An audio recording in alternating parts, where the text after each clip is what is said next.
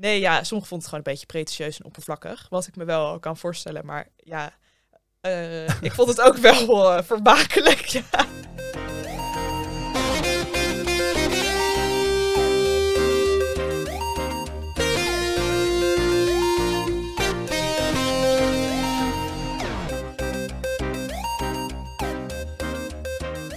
Hey, leuk dat je luistert naar deze aflevering van de Paagman Tip Boeken Podcast. Mijn naam is David en ik ben jullie host samen met Brit. Brit. Yes. Ja, zeker. En Evelien zit ook rechts van mij. Is er weer. Hallo. Ja, ik, uh, ik ben er weer bij vandaag. Leuk. Want uh, ja, wat, wat, heb jij eigenlijk gelezen de laatste tijd, uh, David? Of wat ben je aan het lezen? ik weet niet of ik dat al hier heb gezegd. Ik heb het wel tegen Brit gezegd. Maar ik ben knuis, met mijn strijd van Knuiskaart begonnen. Oh ja, ja. En uh, inmiddels de derde uit. Kan daar niet helemaal. Ja, maar elke keer. Is, ik ben twee maanden bezig. Elke keer als ik hem dan uit heb, dan denk ik, nou, nu ga ik even drie andere boeken lezen. Maar toch, als je dan één boek hebt gelezen, denk je, ah, ik wil hem toch wel weer. Ik wil eigenlijk weer, weer knuiskaart lezen. Dus dat is heel leuk. En vandaag aan Erno begonnen. Toch okay. gezwicht voor de Nobelprijs. Ja. Hype. Ja, het, het boek loopt ook wel goed nu, de, de jaren. En, um, ik heb ik... het ook ooit in een duister verleden gelezen. Oh, ik duister. zeggen, Gewoon ik vind het wel lang, een boek voor jou. Ja, ja, lang geleden heb ik het gelezen. Nog lang voordat ik voor uh, bij Paagman werkte. En uh, ik kan het wel aanraden eigenlijk. Beetje Edouard Louis hoorde ik. Toen dacht ik van ja, nu moet ik het gaan lezen. Ja, Tenminste, anekdotisch. vergelijking. Misschien zelfs iets, ja, ja, nee, goede vergelijking. Nou, dankjewel. Niet ja. de mijne, kwam uit de krant. Oké. Okay. Heb jij nog wat gelezen? Je hoeft er dan weer niet bij te zeggen. Ja, uh, ja nou, om maar even buiten boek van de maand om. Nou goed, we hebben het dus wel een beetje met boek van de maand team dan veel over gehad. Over uh, Celeste, hm, volgens mij is het, mm -hmm. NG. Uh, die heeft namelijk een nieuw boek, Onze Verloren Harten. En uh, wij hebben ook van haar Kleine Brandjes Overal is ja, ooit... ik denk in 2019 of echt al ja. wel way ja, back. Voor mijn tijd. Ja boek van de maand geweest. Uh, dus ja, die zong ook een beetje rond bij ons. Ja, en ja, die heb ik ook gelezen. En ja, onze collega boek van de maand lezers ook. Ja. Dus we hadden eigenlijk nog een extra boek. maar we hebben hem niet meegenomen in de overweging, omdat... Nee, ja, kijk, het, auteurs die een keer een boek van de maand zijn geweest, die, blijven wij toch altijd wel een beetje volgen en een beetje in de gaten houden wat ze verder, wat ze verder doen. En ja, dat zijn dan die boeken die wij zelf nog snel tussendoor lezen. En uh, op zich is Onze Verloren Harten wel een heel ander boek dan Kleine Brandjes Overal. Maar op zich is de thematiek wel ook weer een soort van gelijk.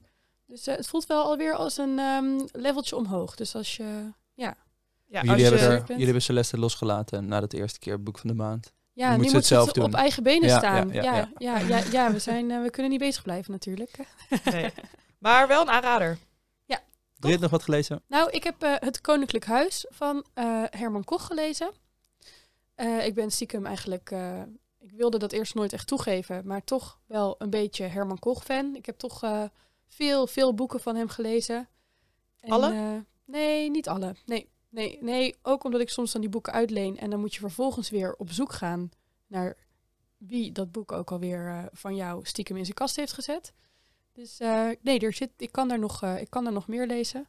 Maar ja, het Koninklijk Huis. Ja. Als kochkenner? Je kan het lezen. Ja. Okay. Maar ik, als, je, als je voor het eerst Herman Koch gaat lezen, zou ik eerst andere, andere titels lezen. Welke? Ja, heel snel. blijft toch wel echt ja? een klassieker. Geacht heer M vind ik heel goed.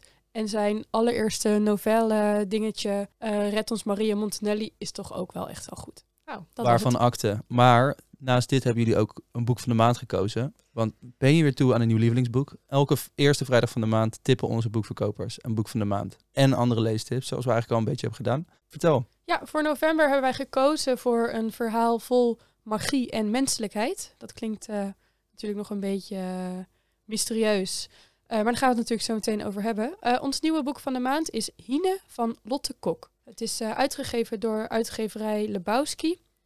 En ja, het is het tweede boek van Lotte Kok. Volgens mij is Lotte 25, 26, zoiets. Ja, dus volgens mij het ja, 19, 1996. 1996, ja. ja.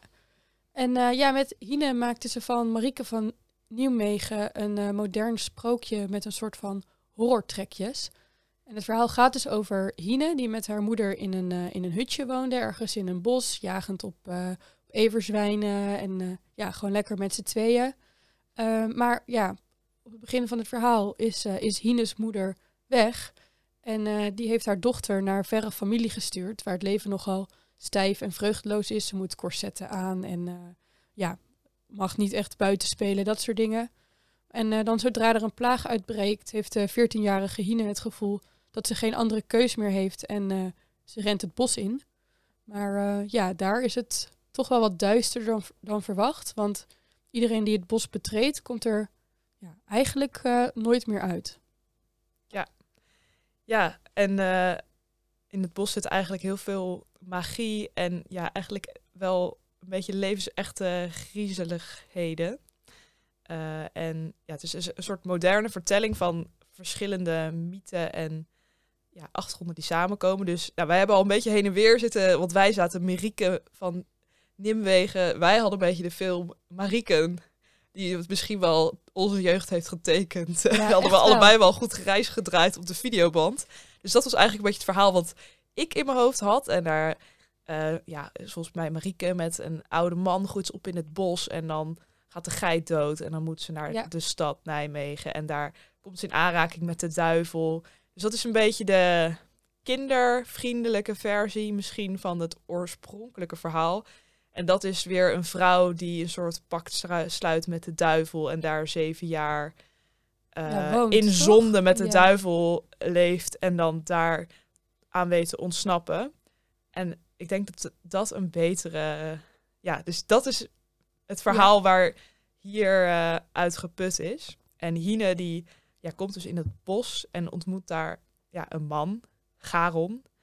En ik denk dat het niet een te grote spoiler is om te zeggen dat Garon eigenlijk ja, een soort duivelfiguur is.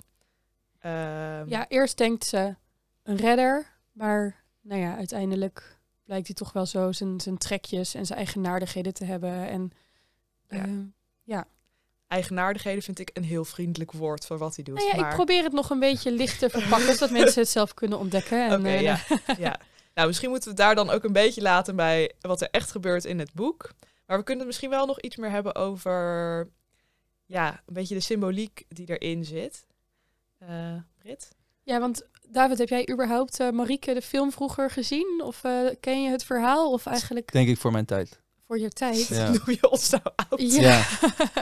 Ik ben jonger dan gelijk. Ik, ik, heb, ik heb geen idee. Of misschien kan ik het maar niet. maar je bent toch wel geboren voor 2000? Net. Oh ja, oké. Echt oh. net. Dus ik denk echt dat, ik, dat het een blinde vlek is. Maar des te meer, de, de, moet je die even uitleggen waar, waar we het over hebben. Ja, oké. Okay. Marieke, het echte verhaal, Marieke van Nijmegen speelt zich volgens mij af in uh, eh, 1500. Dus ver af dat je zegt dat dat voor jouw tijd is. Dan kunnen we dat misschien weer een, plek, een beetje een plekje geven voor onszelf. Precies. um, ja, nou, je kan misschien ook meer al überhaupt een beetje aan de vrouwencultuur in de middeleeuwen, de heksenjacht. Uh, ja, eigenlijk gewoon de totale wantrouwen voor vrouwen die hun eigen plan trekken en zich een beetje afstoten van ja, de patronen die misschien van ze worden verwacht. Trouwen, kinderen baren, in vroomheid en kuisheid in leven. dienst zijn van een man. Ja. ja. ja. En uh, de moeder van Hine, die, uh, ja, die stoot dat eigenlijk in zijn geheel al af, dat idee. Mannen, daar kan je maar beter zo ver mogelijk van afblijven. En dat is wel iets wat Hine ook meeneemt in haar, uh, in haar tocht, als het ware. Ja, ja. ja, en om een beetje terug te komen op die, op die magie en symboliek. Um, ja, Evelien en ik hadden het er met elkaar ook over. Wij lezen wel vaker uh, boeken waar dan bijvoorbeeld um, ja, iets van mythes of, of, of hè, vertellingen van, van vroeger in zitten. Maar meestal dan um, zijn er voor dan als er iets van magisch dingen is, eigenlijk meestal een soort van magisch realisme, waar dan ook een soort van een natuurlijke verklaring voor is. Of dat, dat, je... dat vraag ik me eigenlijk af. Hoe verre past dit boek in die trend die we afgelopen jaren zien met Pat Barker en Madeline Miller en die Engelse kant van historical fiction, uh, deels, deels magie, maar ook echt wel deels echt het stukje historie. Want het lijkt er een beetje, ook de cover lijkt er ook wel echt een beetje, die, die neigt een beetje die kant op. Ja, ik denk wel dat het daar wel in past als, als je het hebt over misschien een, een genre of ja, hoe je het zou moeten vergelijken. Ik denk wel dat het hier misschien nog net ietsje verder gaat, echt in die beetje fabelachtig. Dus dat er niet alleen een beetje hervertelling is, maar ja, het gaat ook nog wel heel erg op zoek naar wat betekent dat? Uh, wat is de betekenis van bepaalde dingen? Ja. ja, wat we nog niet echt hebben genoemd, er zit ook een beetje een trigger warning aan het begin van het boek, is dat het ook wel een groot deel gaat ook wel een beetje over ja, depressiviteit. Ja, zelfdoding, zelfdoding en depressie eigenlijk. En depressie. En, dat, uh, en hoe je daar tegenover verhoudt als jij niet zelf de persoon bent die depressief is, maar als jij de persoon bent ja, die daarbij betrokken is op een bepaalde manier. Dus ik denk dat het in die zin misschien nog net iets een grotere. Ja, en er, en er is een uh, sprookjesachtige pratende egel die uh, geen stekels heeft, maar heide op zijn, uh, op zijn ruggetje. Dus dat, ja, dat, dat gaat wel een, ook een stukje voorbij historische fictie in die zin. Ja. Kan ik me voorstellen. Kan ik me voorstellen. De egel heet Giacomo, mocht iemand zich dat... ja, ja. ja. Ja, wij raakten er in ieder geval echt niet over uitgepraat uh, tijdens de Boek van de Maandvergadering. Uh, en uh, ja, er waren al meerdere die gewoon echt super enthousiast waren. In de, ja, gewoon ook geraakt. En ja, heel erg die diepere betekenis. ja, we raakten daar gewoon niet over uitgepraat. Ja, vooral ook omdat je toch merkt dat iedereen soms net een iets andere lezing van het, van het boek wel heeft. En Lotte Kok zat Ehm, nou, op het moment dat we dit opnemen, twee, twee weken geleden denk ik, bij, bij Brommer op Zee. En daar legt zij wel ook best wel veel uit over haar idee achter het boek. Um, nou ja, dat, dat, dat kan je kijken voordat je, voordat je het boek gaat lezen. Maar ja, wat wij eigenlijk vooral met onze vergadering erachter kwamen, dat het juist zo mooi was dat, dat je misschien niet al de hele ja, idee van de auteur tijdens het lezen door had. Beetje blanker erin gaan. Beetje blanker erin gaan, ja. ja. Gaaf. Dus Hine van Lotte Kok is ons boek van de maand. Maar jullie lezen altijd een hele hoop meer daarnaast. Afvallers, maar toch het noemen waard. Wat hebben jullie nog meer gelezen? Ja, we hebben ook uh, Het licht in de stad van Inge Schilperoort gelezen. Uh, dat is uitgegeven door uitgeverij Podium. En uh, ja, voor, voor, wie Muithond heeft gelezen, dat is haar debuut uit 2015, 2015 denk ik, Ja, echt al, echt al een heel aantal jaar geleden. Jij hebt het gelezen, ja. zei je net tussen neus Ik vond het echt fantastisch. Ik vond Muishond vond ik echt... Uh, ik was heel jong toen ik dat las en het is best een heftig onderwerp. Ja. Is heel jong. jong. Nou ja, ja, we hebben net gehoord hoe oud je bent. Ja, 16. uh, eh, nee, maar het, het, het, door dat boek raakte ik... Maakte ik kennis met wat een boek kan doen op de manier van je echt echt een gevoel geven van... In dat boek is het echt ongemakkelijkheid en... In ja, want je kruipt heel erg in het hoofd van één personage. Ja. En ja, daardoor heb je dan ook wel heel erg in zo'n in zo'n verhaal dat je soms zelf een beetje gaat twijfelen ook aan goed of fout, toch? Ja, en ik denk dat Muithond was een beetje een rauwe Lolita. Lolita is een beetje wordt een beetje jolig gedaan. Je zit in het hoofd van een jolig personage en de Muithond was ja, echt. Je het jolig? redelijk. Het is toch heel excentriek en dit is niet excentriek. Gedissocieerd misschien van ja, de werkelijkheid Ja, precies. En dit is super rauw en, en, daarom was ik benieuwd. En vertel, hoe, hoe was dit? Ja, nou ja, kijk, dus in, inderdaad in, in dat uh, Bronzen Uil uh, heeft gewonnen toen het uitkwam. Uh, ja, kruip je in het hoofd van van een jongeman met pedofiele neigingen. En eh, in haar nieuwe boek, Het licht in de stad, um, ja, volg je eigenlijk ook een, een personage dat niet helemaal helder denkt, zeg maar. Het gaat namelijk over Sophie. En zij is eigenlijk gewoon best wel getraumatiseerd door het verlies van haar vader. Die uh, was strafrechtadvocaat voor ja, jihadisten of ja, andere mensen die naar het kalifaat afreisden. en hij heeft, had sowieso een heel erg interesse in de hele Arabische cultuur. Dus bijvoorbeeld Sophie en haar vader gingen ook samen op Arabische les om, om de taal te leren. Uh, en ja, dat, haar, haar vader heeft een ongeluk gekregen. Haar moeder is al lang geleden overleden. Dus opeens is ze, is ze wees en is ze, gaat ze bij haar tante wonen. En ja, zoekt ze heel erg naar een, nieuwe vorm van bescherming en ergens erbij uh, horen. Um, en ja, dat zorgt er gewoon voor dat ze nou ja, echt wel een soort van in de knoop zit met zichzelf. Dus ook heel vaak uh, door, door de stad gaat, uh, gaat dolen en ja, eigenlijk eenzamer is dan ooit. Um, en dus een poging om ook dichter tot haar vader te komen, stort ze zich op haar profielwerkstuk. ehm, wat ze over het jihadisme wil schrijven en eigenlijk wilt laten zien hoe de islam echt is. Nou ja, wat dat precies inhoudt, daar is ze zelf ook nog wel een beetje zoekende naar.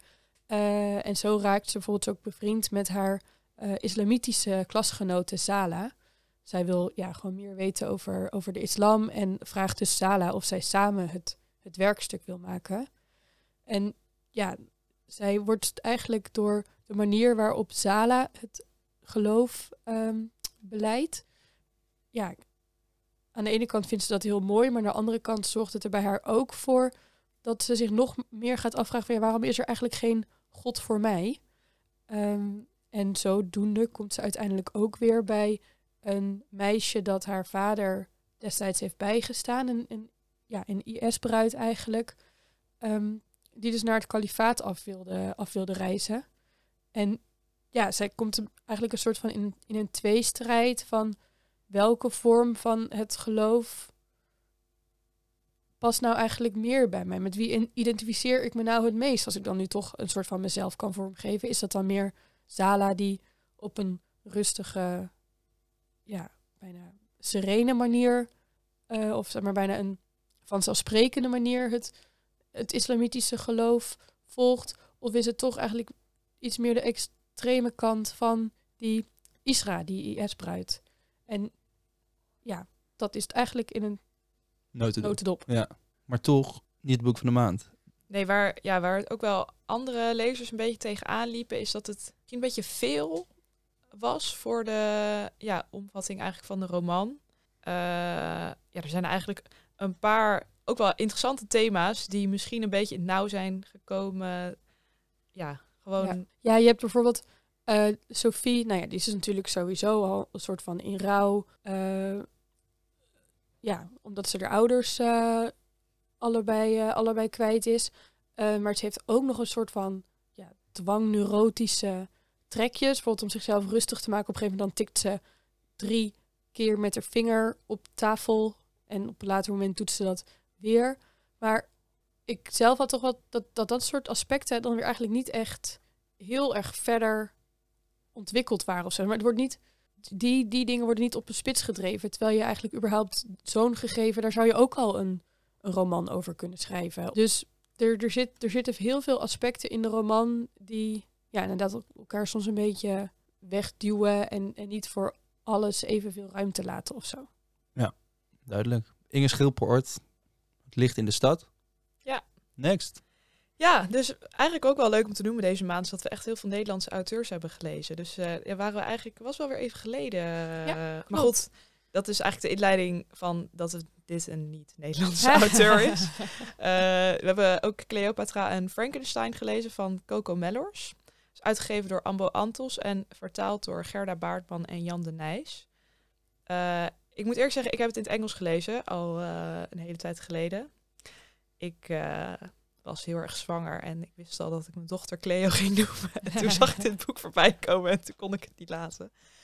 Dus, uh, maar goed. Maar ik, dit boek is niet haar voorland, toch? Nee, dat, nee ik hoop het niet. God. nee, dus... Um, maar ik heb het toch wel voorgedragen voor Boek van de Maand. Omdat ik ja. het wel echt een, ja, echt een fijn boek vond. Cleo en Frank, dat, die hebben als koosnaampjes of ja, een beetje grappige bijnamen voor elkaar dan Cleopatra en Frankenstein. Die uh, vallen eigenlijk meteen voor elkaar op een uh, ja, nieuwjaars, uh, oudjaarsavond komen ze elkaar tegen. Ja, echt wat je zo in de films een meet cute noemt. Weet je, ze komen elkaar tegen en eigenlijk stopt heel de wereld om hen heen met draaien. Cleo is begin twintig en een mooie, maar wel een beetje getroubleerde kunstenares uit Engeland. En ze zitten dus in New York, dus wel belangrijk om te zeggen.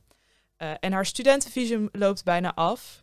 Dus ja, ze zit eigenlijk al een beetje in de bonustijd. En ja, ze heeft eigenlijk geen plan. En ja, het, loopt gewoon af. En Frank is in de 40 en staat aan het hoofd van een succesvol PR-bureau. Uh, ja, in een wervelwind van liefde en lust die in de maanden en weken daarna uh, plaatsvindt, trouwen ze eigenlijk. Uh, voor het papiertje. Nou ja, dat hangt er ergens tussenin natuurlijk.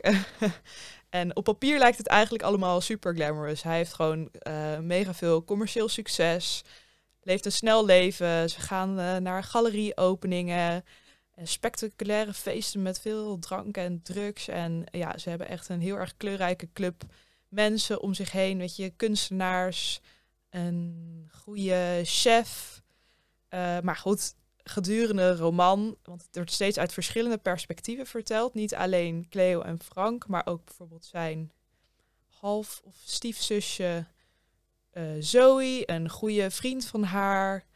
Uh, nou, verschillende mensen in hun omgeving. En uiteindelijk ook nog een beetje een mystery karakter, waar je helemaal aan het einde een beetje achter komt. Uh, ja, vanuit die perspectieven, met echt heel scherp en een beetje witty dialoog, wat wel heel grappig en meeslepend is, uh, weten ze toch wel hele zware thema's uh, aan te stippen. Zowel Cleo en Frank hebben echt een moeilijke jeugd achter de rug. Hij kampt een beetje met alcoholisme. Nou, depressie is ook wel een beetje alomtegenwoordig. En in al die hectiek zijn ze eigenlijk ook best eenzaam, uh, misschien. Dus ja, het zit een beetje op het snijvlak van Gossip Girl en Sally Rooney. Ik vind het een beetje moeilijk uit te lachen. Aan de ene kant is het misschien best oppervlakkig en pretentieus, want het is ook wel meteen, weet je, zij is bloedmooi, hij is succesvol, heeft veel geld. Ze bewegen zich in New York in, ja, toch wel in de top van de society, om het zo maar te zeggen. Is het het heden of is er nog een, nog een gaaf deel van New York, jaren 80, 90? Nee, wel het heden. Okay. Ja, ja.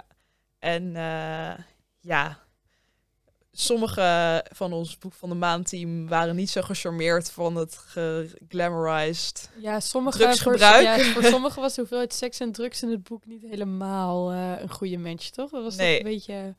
Nee, ja, sommigen vonden het gewoon een beetje pretentieus en oppervlakkig. Wat ik me wel kan voorstellen. Maar ja, uh, ik vond het ook wel uh, vermakelijk. Ja. Er, er, heersen nog Calvinistische uh, krachten bij ons in het boek van de maand. Ja, ja wellicht. Ja. Er is ook, nog geen ik, ik kan revolutie. Ook, nee, nee ik, kan het, ik kan me dus ook wel inleven in die... ja, maar goed, spreekt het je aan, dan denk ik dat ja. je het heel leuk vindt. Spreekt het je niet aan, dan zou ik er niet aan beginnen. Dat is denk ik mijn advies. Ja. Gaan we naar het laatste boek.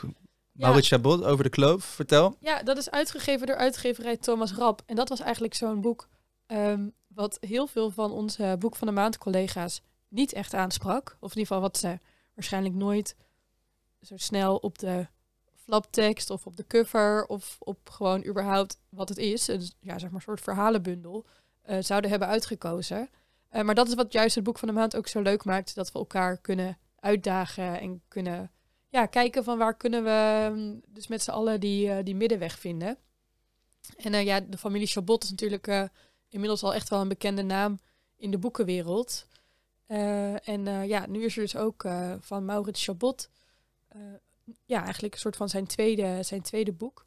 Hij is, ehm, hij werkt volgens mij bij de NRC of de Volkskrant, weet ik even niet 100% NRC, hè? ja. Ja, en Over de Kloof is een ja, bijzondere non-fictie verhalenbundel waarin vriendschappen onder de loep worden genomen. En niet zomaar vriendschappen, maar vriendschappen tussen mensen waarvan je het eigenlijk uh, never nooit zou verwachten. Want je hebt bijvoorbeeld in de, ja, in de loop van de geschiedenis hebben we diverse conflicten voorbij zien komen, zoals tussen de Houthis en de Tutsis, uh, haat tegen LBTQ-mensen. Ehm, dus um, ja, eigenlijk die mensen aan de ene kant en bijvoorbeeld ja, neonazies aan de andere kant. en ja, de, ja, gewoon überhaupt rechts versus links. En um, ja, daar zit gewoon heel veel geweld, verdriet en, en rouw. Maar Maurits Chabot laat met zijn Over de Kloof zien dat daar toch ook nog steeds ruimte ligt voor een soort van vriendschap. Ja, en dialoog misschien. Het is, het, het is non-fictie, maar het leest toch ook wel vrij verhalend. Ja. Dus, en elk verhaal is ook weer net een beetje anders opgezet. Uh, ja, wel vanuit dus de interviews die hij heeft afgenomen. Ja, want hij heeft alle mensen eigenlijk echt gesproken, toch? Bijna. Ja, ja, hij vond het echt bizar om te bedenken tijdens het lezen. Had jij ja. dat niet? Ja. Ja, vond ik ook. Ja. Is het een soort van de meeste mensen zijn vrienden uh, Brechtman sequel? Of is het, het, het klinkt heel positief van joh... Misschien was dat een goede titel geweest, ja. Heb je de, aan de ene kant heb je de meeste mensen deugen, de meeste mensen zijn vrienden. Die kunnen toch nog vrienden worden. Ja, ja iets het, in die trant. Um, wat, ja, dat is misschien misschien ook meteen ons waar ja. we een beetje tegenaan liepen. Misschien is dat de opzet van het boek is eigenlijk een beetje een gesloten vraag. Ja. Want eigenlijk het gegeven van alle verhalen is deze mensen hebben iets wat in hun weg staat. En daar zijn ze overheen gekomen en zijn vrienden geworden. Nou vind ik vrienden als toch wel echt een groot woord. In sommige verhalen wel, ja. Ja. ehm, dus daar maakt het misschien... Soms houdt dat misschien wat spanning of zo tegen. Omdat je eigenlijk al weet dat ze op een bepaalde manier gaan samenkomen. Maar goed, elk verhaal is wel heel anders. En die weg naar die vriendschap is ook steeds wel anders. En de manier waarop het verhaal is opgezet is ook steeds wat anders. Dat houdt je wel uitgedaagd en geboeid. Ja.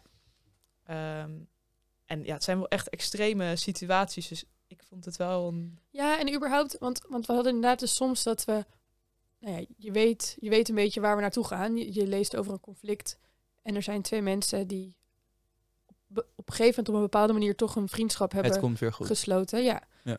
Ehm, dus dat aan de ene kant is natuurlijk ook best wel weer opbeurend, maar nog steeds moeten deze, ja, deze een heel aantal van deze ja, hoofdpersonen, zeg maar, door een best wel diep dal heen voordat ze tot die vriendschap kunnen komen. En ehm, ja, dat maakte het wel nog steeds ja, een soort van bijzondere te- ja, tekeningen van, van, van, van mensen en hoe zij in conflict situaties kunnen overleven en positief kunnen blijven. En Ja, want ze dragen eigenlijk allemaal een hele zware last met zich Ja. mee. Ofwel een bepaalde... eh, ja, ja, iets wat ze hebben gedaan waar ze of heel erg spijt van hebben... of anders op terugkijken. Ja. Ja, of iets wat ze is aangedaan of is overkomen. Ja. Eh, Ja, en wat, wat uiteindelijk inderdaad een beetje dus de vraag is van Maurits Chabot: van is er een grens aan begrijpen? En ehm, tegelijkertijd heeft hij daar zelf ook al wel heel duidelijk een, een antwoord in gevonden. En dat is eigenlijk ook gewoon het, het kunnen blijven stellen van vragen, het proberen te verplaatsen in een ander. Ja, dat je dat dus toch wel heel ver. Dialoog, brengen. debat, deliberatie. Samenkomen. Ja, dus misschien eh, wel ook een aanrader als je als het iets anders is voor je dan dat je normaal gesproken leest. Dus Ja, en het lijkt mij ook echt wel dus zo'n perfect boek wat je aan je schoonvader cadeau gaat geven. en dat is niet per se slecht, December toch? komt eraan. Ja, Ja, ja, ja. december komt eraan. En het is gewoon, eh, ja, op zich. ja, een beetje zo'n randje hedendaagse thema's, mensen, verhalen, portretten. Maurice Chabot, Over de kloof. over de kloof. Ja. Doen we nog even een kleine pitch voor ons boek van de maand? Ja. Ons juweeltje. Ja, ja, lang verhaal kort. Ehm, dat is eh, ons boek van de maand november is Hine. Het is een eh, verhaal vol ehm, magie en mystiek, gebaseerd op, eh, op Marieke van Nimwegen. En eh, ja, gaat eigenlijk over wat het betekent om, om mens te zijn. Mooie, mooie afsluiting, Brit. Thanks. En dan doen we dus toch nog wel weer gewoon een onder de streep, David. Maar we gaan je niet meer vragen of je überhaupt het boek gaat lezen. Want we hebben je natuurlijk omvergeblazen. Ja. Maar op welke plek in je leestapel gaat dit boek? Ja, deze keer, ik, ben een keer, ik denk dat ik een keer gewoon de, de positieve sfeer moet, even moet verbreken. Ik Niet vond, je omdat het al, me- ik vond je al stil. Ik ben wat stiller. Ja, ik ben gewoon niet zo eh, van de fantasy. En van, ik weet niet, ik, ik, ik ben ontzettend van de... Pratende egel met heide op zijn rug Ja, ontroert jou niet. dat ontroert Ja, nee, niet per se. Dus ik weet niet, hij gaat, hij gaat zeker op mijn stapel, want ik waardeer jullie mening van het team. Want er moet toch eentje de onderste zijn, dat wil je Ja, zeggen. zeker. Ja. En het deze exemplaartje gaat gewoon de tas in. Bedankt, bedankt voor je eerlijkheid.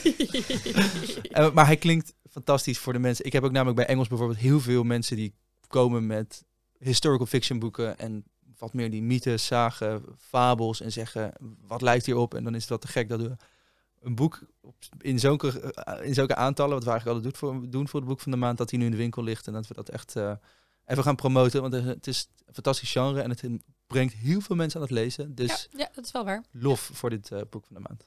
Ehm, Nou, nou, wil je meer weten over de boeken die Paagman tipt? Op paagman.nl slash podcast is alles terug te zien. Of schrijf je in voor onze nieuwsbrief, dan houden we je gewoon daar op de hoogte. ja, en natuurlijk op social media via Paagman. Luisteraars, bedankt. David, Eve, bedankt. Jij bedankt. Ja, graag gedaan. Was weer een genoegen. Ja, fijn. Tot later. Doeg, super doei.